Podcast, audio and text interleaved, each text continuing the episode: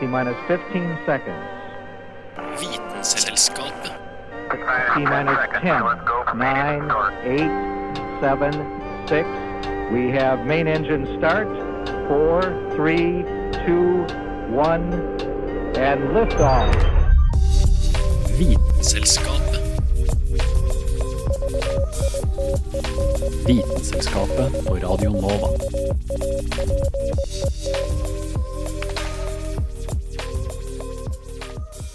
Har du noen gang lurt på om spøkelser faktisk eksisterer? Eller går du konstant rundt og er redd for Bigfoot? I dagens episode av Vitenselskapet skal vi dykke ned i noen av verdens største mysterier. Mitt navn er Aurora Thommessen, og du hører på Vitenselskapet på Radio Nova.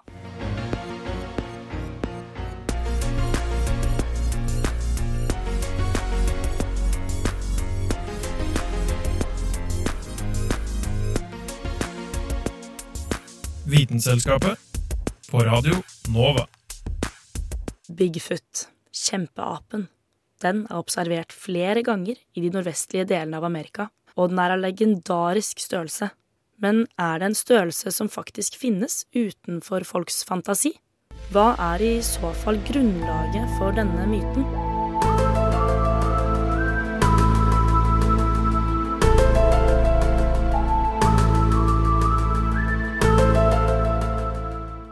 For omtrent 60 år siden skjedde det noe mystisk i det lille stedet i North Carolina, der en lokalavis kunne informere om at det var blitt observert menneskelignende fotspor som var så lange som 40 cm. Oppdaget av noen bygningsarbeidere som jobbet på en vei i strøket. Lokalavisen var den første til å navngi dyret som var opphav til fotsporene, Bigfoot. Og helt siden den gang har kjempen satt sine spor i folks fantasi, idet vi undrer oss om de grunnleggende spørsmålene som tvinger seg på er dette dyret virkelig. 60 år senere er Bigfoot fortsatt en populær del av kulturen, da han opptrer i barnefilmer, tegneserier, reklamer, bøker, noveller, TV-programmer og ikke minst i lokal og global folkemunne. Eksempel var det ikke lenge siden National Geographic, en anerkjent og kjær kilde til dokumentasjon av den naturlige verden, viste sin siste episode av sin populære serie Finding Bigfoot. Det er faktisk en egen gruppe, Bigfoot Field Research Organization, som har samlet inn det som angivelig er rapporter med observasjoner av dyret, minst én fra hver stat, bortsett fra Hawaii. Man skulle da nærmest tro at Bigfoot, samme hva slags dyr den skulle ende opp med å bli identifisert som, er en forholdsvis vanlig art på det nordamerikanske kontinent. Faktisk så hevdet en kvinne så sent som i juni 2018 å ha sett Bigfoot, da gjenkjent som a large pile of soggy grass. Andre hevder å ha observert flyktende Bigfoot, Bigfoot-lyder, Bigfoot-ekskrement og Bigfoot-reir.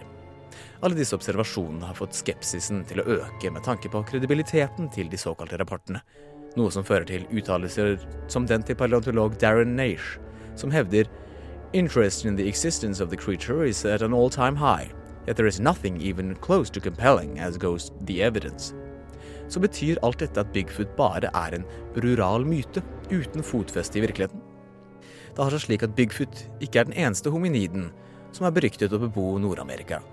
Sasquatchen var en kjempeape som de opprinnelige indianerne lenge mente at vandret rundt i de nordvestlige delene av Amerika. Denne gamle legenden fikk nytt liv da de enorme fotsporene ble oppdaget i 1958, og prompte slengt ut i mediene. Det var faktisk en viss Ray Wallace som hevdet at fotsporene var en bløff, plantet av hans barn i stedet som passende nok er kjent som Bluff Creek i Northern California. Dette skulle ikke stoppe mytene fra å leve videre, dog, for nytt viktig materiale skulle dukke opp i Bigfoot-saken av to menn som angivelig filmet selve Bigfoot, i det som skulle ende opp med å bli den mest kontroversielle materialet i Bigfoot-universet. Filmen viser en stor hominid, en gigantisk ape som går på to ben, som et menneske på vei bort fra kamera i skogholtet. Noen hevder at Bigfoot caught on tape åpenbart er en mann i apekostyme. Andre påstår, gitt ganglaget og kroppsposituren, at dyret umulig kan være et menneske. Debatten pågår til en dag i dag, uten et fullendt bevis. Noen mener at vi en dag vil finne Bigfoot og slå fast hans eksistens. Andre hevder at det bare er en semi-urban legende. Noen igjen vil si at vi mennesker aldri vil stoppe å være nysgjerrige på Bigfoot, for han representerer the missing link, bindeleddet mellom oss Homo sapiens og våre nærmeste nå utdødde slektninger. En annen populær hominid, altså menneskeapet, ryktes å leve i fjellene i Sørøst-Asia, nemlig den avskyelige snømannen, yeti, som hevdes å ha blitt observert flere ganger av forskjellige ekspedisjoner. Dog, i likhet med Bigfoot, har vi aldri kommet tilstrekkelig nær dyret, enten med observasjon eller levninger, til å slå dens eksistens fast med sikkerhet. Men så, så nylig som i 2014, ble noen voldsomt store og merkelige kjente kjevebein funnet i Indonesia. Arten skulle ende opp med å bli kalt Gigantopithecus, kjempeapen, som mye tyder på at levde, om ikke side om side, så på samme tid som de tidligste medlemmene av arten Homo sapiens. Så om ikke vi, så kanskje våre forfedre, bevitnet fotavtrykk til høyst levende kjempeaper. Kjempeaper som skulle ende opp med å vandre rundt i våre sinn til en dag i dag. Vi kommer kanskje aldri til å finne ut om Bigfoot faktisk eksisterer eller ei. Men det vil aldri stoppe mennesker fra å forsøke å finne ut av mysteriet med våre nærmeste slektninger. Og i hvert fall ikke vår fjerne og ikke-fjerne fortid som menneskeapet selv. Og dette innslaget ble laget av Dag Schmedling Dramer. Oh, it's fun. I mean, the natural world is just fun. Du hører på Vitenselskapet på Radio Nova. What more do you want? Hvalen Valdemir har skapt stor ståhei i Norge de siste ukene. Hvalen med det mystiske beltet svømte inn i en norsk fjord tidligere i år, og umiddelbart var eksperter ute og konkluderte med at dette, dette måtte være den russiske marinens verk. Senere ble det tydelig at ved mindre hvalen var sendt for å kose oss i hjel, måtte det finnes en annen forklaring, og hvalens trolige opphav skiftet til at den mest sannsynlig hadde rømt fra en dyrepark. At man så tidlig tenkte i retning av skumle militære hensikter, er riktignok ikke så veldig rart. Historien er full av forsøk på å militarisere dyr. Noen vellykkede, andre not so much. Gentlemen, we got a problem. Those damned Russians keep figuring out our plans to spy on their embassies. God damn it! This is 1965. The CIA has to produce results. Nobody. Nobody. We need ideas, God damn it. Sir? Uh, what about uh, cats? Cats? Uh, yeah, cats. You know, we like train them and put in a microphone surgically in their skull with a transmitter, and we can make the cat go near the Russians when they are outside. Johnson, you beautiful son of a bitch. Genius! I'm calling the president right now. Okay, Operation Acoustic Kitty is a go. Snuffles, you see that bench? Go over there. They have fish.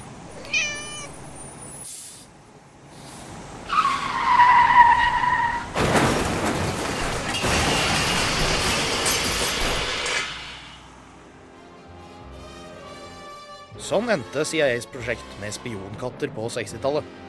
Én katt, én avansert mikrofon med sender, én bilulykke og null hemmeligheter. Siden dette har amerikanerne stort sett holdt seg til enklere oppgaver for dyrene sine, som å trene opp delfiner til å bli mineryddere. Dette fikk de også til, og delfinene tjenestegjorde med ære i Irak-krigen. Men kattene ble lagt på hylla. Det ble for vanskelig å få dem til å gjøre noe som helst. Dyr har generelt en lei tendens til å ha noe som heter instinkt. Selv om de kan trenes til å gjøre veldig mye forskjellig, er denne X-faktoren vanskelig å planlegge for. Så nå hopper vi tilbake til andre verdenskrig.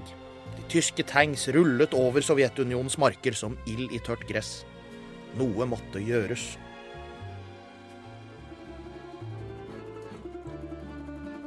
I want them stopped. All of them! General, what is your plan? Comrade Stalin. I don't know. Shoot him! Shoot him! What?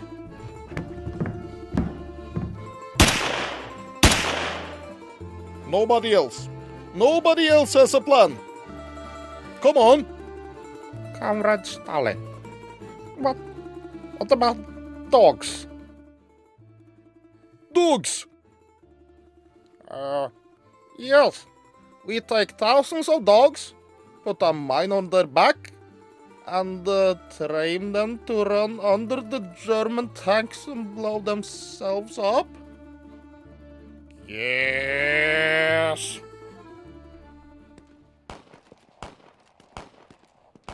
It's time. Release the dogs of war, comrades. Go, Fido, for the motherland.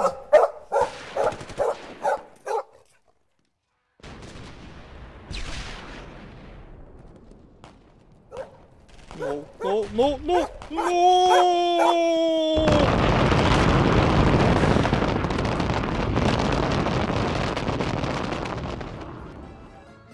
Hunder er i utgangspunktet meget trenbare, og planen til det sovjetiske militæret så nå gå ut på papiret. Hvorfor ikke trene hunder som selvmordsbombere? De er mye raskere enn mennesker og lojale, lojale skapninger. Dette prestisjeprosjektet led dessverre av noen elementære feil. For det første trente russerne opp hundene sine på tanks som sto stille. Da hundene ble satt ut i felten, ble de forvirret av at fiendens tanks bevegde seg. I tillegg så undervurderte de hvor viktig luktesansen er for flinke bisker. Sovjets tanks gikk på diesel, og tyskernes gikk på bensin. Lukten av disse er så forskjellig at det ikke er rart at hundene ikke skjønte noen ting. Prosjektet ble til slutt skrinlagt etter at bombehundene nesten konsekvent snudde og kastet seg tilbake inn i sine egne soldater og stridsvogner. Og sånn sett så har vi kanskje vårt første eksempel av animalske femtekolonister. I dag så betyr bombehunder noe annet. De lukter seg frem til sprengstoff og politiet, på flyplasser og ellers, og holder oss alle trygge. Og er veldig flinke hunder. Å, så flink, å, så flink, å, så flink. Kanskje er det greit at vi har prøvd så mye forskjellig.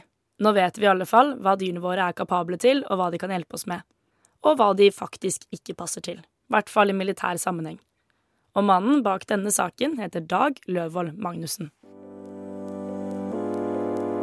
Du hører på Vitenselskapet på Radio Nova.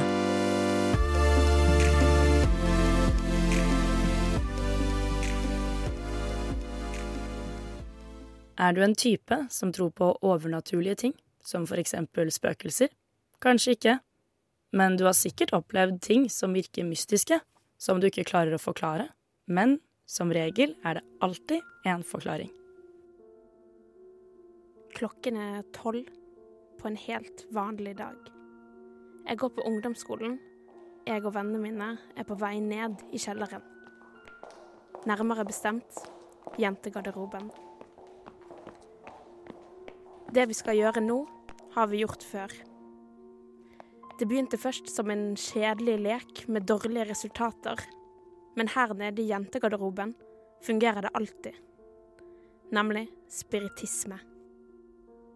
Vi legger frem det hjemmelagde spiritismebrettet, slår av lyset og tenner stearinlys og setter det rundt i rommet. Vi alle lover hverandre om å ikke jukse. Ingen beveger på glasset med vilje. Nei, ingen skulle gjøre det.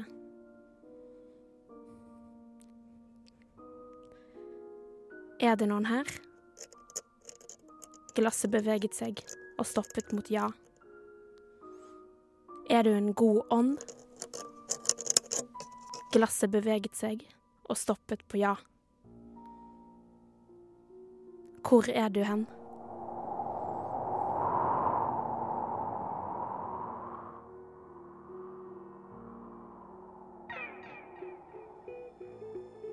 Det her skjedde på ekte. Du kan jo selvfølgelig velge å tro på meg eller ikke, men det er faktisk helt sant. Jeg husker at jeg syntes det var veldig mystisk og skummelt når det skjedde. Men i ettertid er det visse bemerkelser jeg har gjort meg med denne her hendelsen. For det første, når vi gjorde det i garderoben, var vi alltid 10-15 jenter som holdt på glasset. Når vi gjorde det andre steder, med kanskje bare 3-4 stykker, bevegde ofte ikke glasset seg.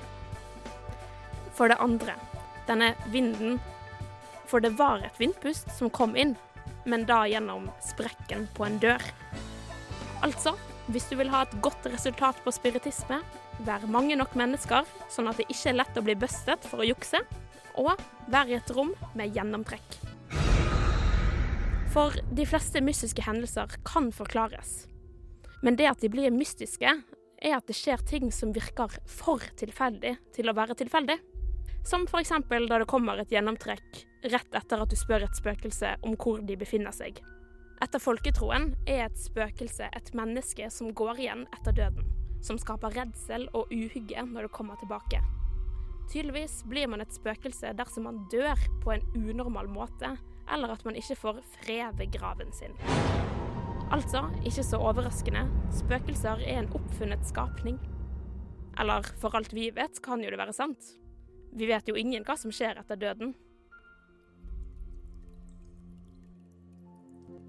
Noen britiske psykologer har forsket på spøkelser. De tok med seg flere hundre frivillige mennesker rundt på to av Storbritannias mest hjemsøkte steder, nemlig Hampton Court Palace og Southbridge Baltus. Kong Henry den åttende av England bodde faktisk tidligere på Hampton Court Palace, og han hadde en tendens i å få konene sine halshugd, så det er ikke rart at dette stedet er hjemsøkt. I årevis har ulike folk rapportert om unormale hendelser på begge disse stedene. Syner, fottrinn i trapper og raslende dører. Under studien rapporterte forsøkspersonene hvor de opplevde unormale fenomener, og mange av de var på samme sted også. Etter at forskerne overvåket miljøet på disse stedene, kunne de se visse luftstrømmer måle en lavere temperatur og et annerledes mønster i elektromagnetiske bølger. Funnene peker derfor mot at grunnen for at man tror at et spøkelse på et bestemt sted, er et resultat av at mennesker reagerer ubevisst på normale faktorer. Det er altså hjernen vår som lurer oss. Med andre ord spøkelser er følelser.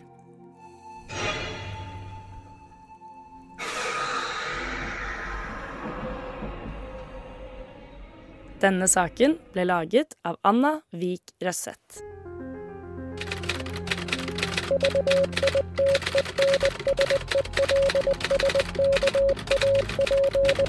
Just want to tell you both good luck. We're all counting on you. И пусть посмеются над своими страстями.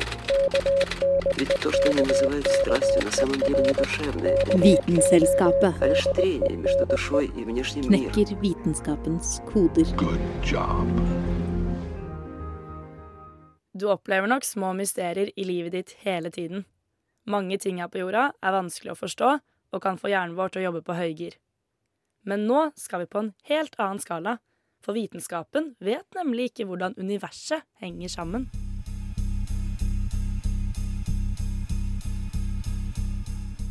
Hvor ofte stopper du opp og tenker på hvor tomt universet egentlig er? Sikkert ikke ofte, for det er en sabla skummel tanke som en ikke egentlig klarer å ta inn over seg. Men sjøl om du syns det er langt til månen, er tomrommet imellom nesten ingenting i universell målestokk. Sola er òg relativt nære. Vi veit at det er tyngdekrafta som gjør at månen går rundt oss, og at oss går rundt sola. Tyngdekrafta gjør at oss slipper å være ensomme. Sola vår er jo ikke alene her i universet. Men solsystem er ikke spredd jevnt utover. Stjerner klumper seg sammen i samlinger som oss kjenner som galakser. Vår egen, Mjølkeveien, har omtrent 200 milliarder stjerner. Utrolig mye masse. Sola vår er jo ikke engang av de største. At stjerner havner i nærheten av hverandre, må da skyldes det samme fenomenet som binder oss til sola. Altså er det tyngdekrafta som drar sola vår innåt alle de andre hydrogenkjempene der ute. Og de er vel tunge nok til å gjøre jobben. Jo, stjerner har stor masse og trekkbanan så de holder seg i nærheten. Men tyngdekrafta er ikke sterk nok med de avstandene oss har på denne skalaen. Hva er det som gjør at galakser holder seg sammen da? Fra vårt eget solsystem vet oss at du har noe i midten som er stort, som mindre ting samler seg rundt. Og jo da, du har store greier i midten av Mjølkeveien òg. Der er det nemlig et supermassivt svart hull. Svarte hull vet du sikkert at er superkonsentrert masse, utrolig mye vekt samla på liten plass. Når det i tillegg er supermassivt, er oss oppe i ei masse som er 6,5 milliarder ganger større enn vår egen sol. Det burde kunne helle galakser sammen. Nei da. Sjøl ikke supermassive svarte hull i sentrum forklarer hvorfor galakser ser ut som de gjør. Dette er et veldig grunnleggende problem i astrofysikken, og må løses. Med vår fysikk regner oss med at det er tyngdekrafta som holder alt i hop. Vi har ikke sett nok masse til å gi tilstrekkelig tyngdekraft. Løsninga? Den fins, men oss kan ikke se den. Og derfor har denne teoretisk nødvendige massa fått navnet mørk materie. Mørk fordi oss ikke kan se det, og den heller ikke påvirker f.eks. ljosbølger direkte. Materie der den eneste interaksjonen med universet vi kjenner, er gjennom tyngdekrafta. Mørk materie er altså den mystiske tingen som holder galaksa i den formen oss har hun i dag. Men det at den er så mystisk, gjør at det er vanskelig å si noe sikkert om saken. Er mørk materie en form av masse, sånn oss kjenner det, eller noe helt annet? Kan oss finne en mørk materiepartikkel? Mange hypoteser blir testa av flinke forskerteam rundt omkring i verden, men oss har ingen svar enda. En like mystisk ting i astrofysikken er motsvaret til mørk materie, mørk energi. Dette fenomenet trengs ikke for å forklare hvorfor galaksene samler seg på måten de gjør. Fenomenet brukes for å forklare hvorfor universet utvider seg hele tida og i stadig økende fart. Ingenting oss kjenner i fysikken kan forklare det, så derfor har oss mørk energi. Og hva i all verden det egentlig er, har du like god peiling på som den fremste astrofysiker. Men oss veit at det er noe som må, og formodentlig kan, forklares. Et ekte mysterium å bryne seg på i de kommende tiårene. Vi trenger altså mørk materie og mørk energi for å forklare hvordan universet oppfører seg. Men vi trenger ikke bare litt. Atomenes verden, vi kjenner så godt, står bare for 5% av energien i universet. Cirka en fjerdedel er mørk materie, og resten er mørk energi. Snakk om et stort mysterium! Saken du hørte nå, ble laget av Carl Adamskvam. Hæla i taket med Vitenselskapet.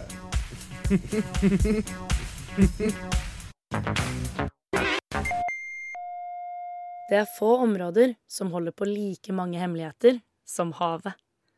Vi vet veldig lite om det som befinner seg i det dype, blå teppet som omkranser jorda. Sjømenn har i løpet av historien vært kjent for å fortelle om utrolige hendelser de har vært vitne til ute på det store, åpne havet. Fra krakenlignende blekkspruter og havfruer til uforklarlige naturfenomen som sank til og med de største skipene. Men det viste seg at ikke alle historiene deres var oppdiktet.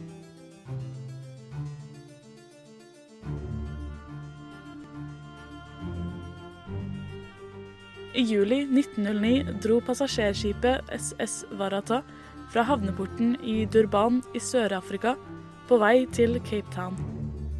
Med 211 passasjerer bega hun seg ut på sin andre reise. Dette skulle også bli hennes siste. For både skipet, passasjerene og mannskapet forsvant sporløst og har til dags dato fortsatt ikke blitt funnet. Mangel på bevis gjør at det er umulig å si hva som kan ha skjedd. Men den minst overtroiske og kanskje mest sannsynlige teorien er at skipet ble offeret for en såkalt monsterbølge.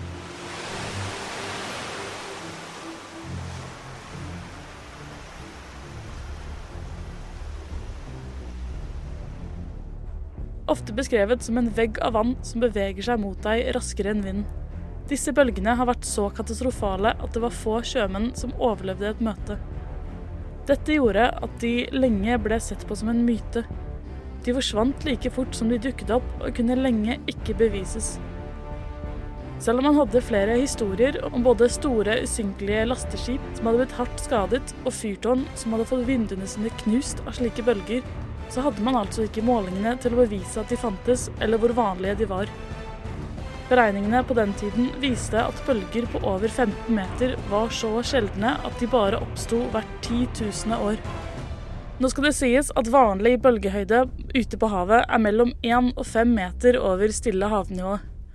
10% av alle bølger er over 5 meter, og av disse 10% er gjennomsnittshøyden på 7 meter. Så når det da kommer en bølge på mellom 12 og 18 meter, da vet du at det er fare på fare. Som sagt var det flere som var skeptiske til om disse bølgene fantes. Helt til 1.1.1995, da den store nyttårsbølgen traff oljeplattformen Draupner E i Nordsjøen. Målingene fra plattformen viste en bølge på 18,6 meter over normalt havnivå, som traff plattformen med en hastighet på 72 km i timen. Dette er de første målingene og bevisene vi har på usymmetriske bølger på havet. Selv om vi nå vet at de ikke er på langt nær så sjeldne som vi først trodde, så er det ikke en stor grunn til bekymring. Bølger på over 12 meter har nemlig bare en 5 sjanse for å forekomme blant 2600 bølger som inntreffer i løpet av fem timer, og vanlige skip er bygget for å tåle såpass høye bølger.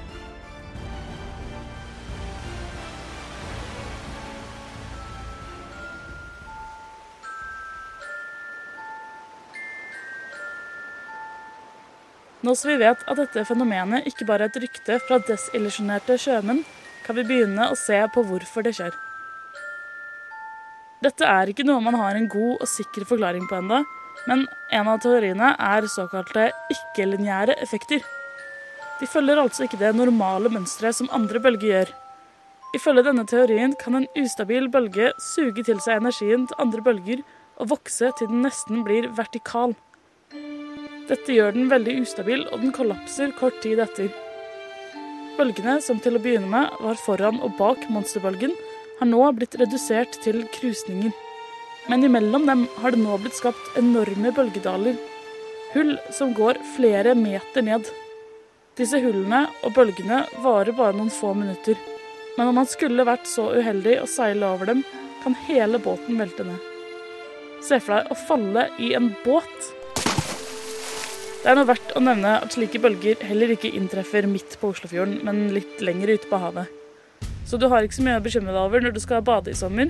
Men hvis du absolutt vil holde deg på den sikre siden, kan du jo gå for en innsjø. Eller bare gode, gamle badekaret.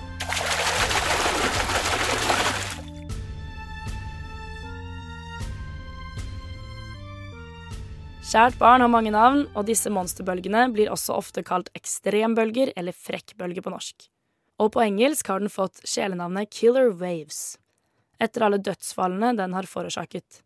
Og dette innslaget ble laget av Julianne Li Fjell.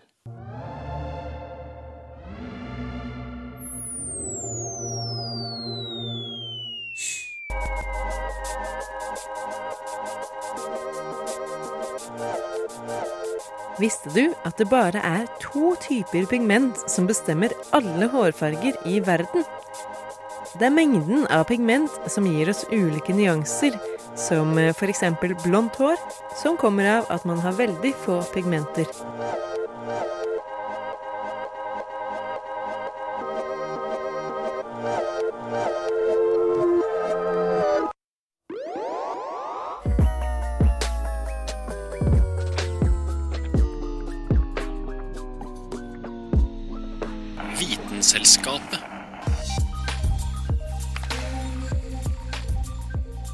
Det var alt vi hadde fra Vitenselskapet i dag. Jeg håper du har fått oppklart noen mysterier, og at du kommer til å høre på oss neste uke. Følg oss veldig gjerne på Instagram og Facebook, og så kan du høre oss i reprise på podkast-appen, Soundcloud eller Spotify. Så må du ha en riktig god og mystisk dag. Mitt navn er Aurora Thommessen. Og du hører på Vitenselskapet på Radio Nova.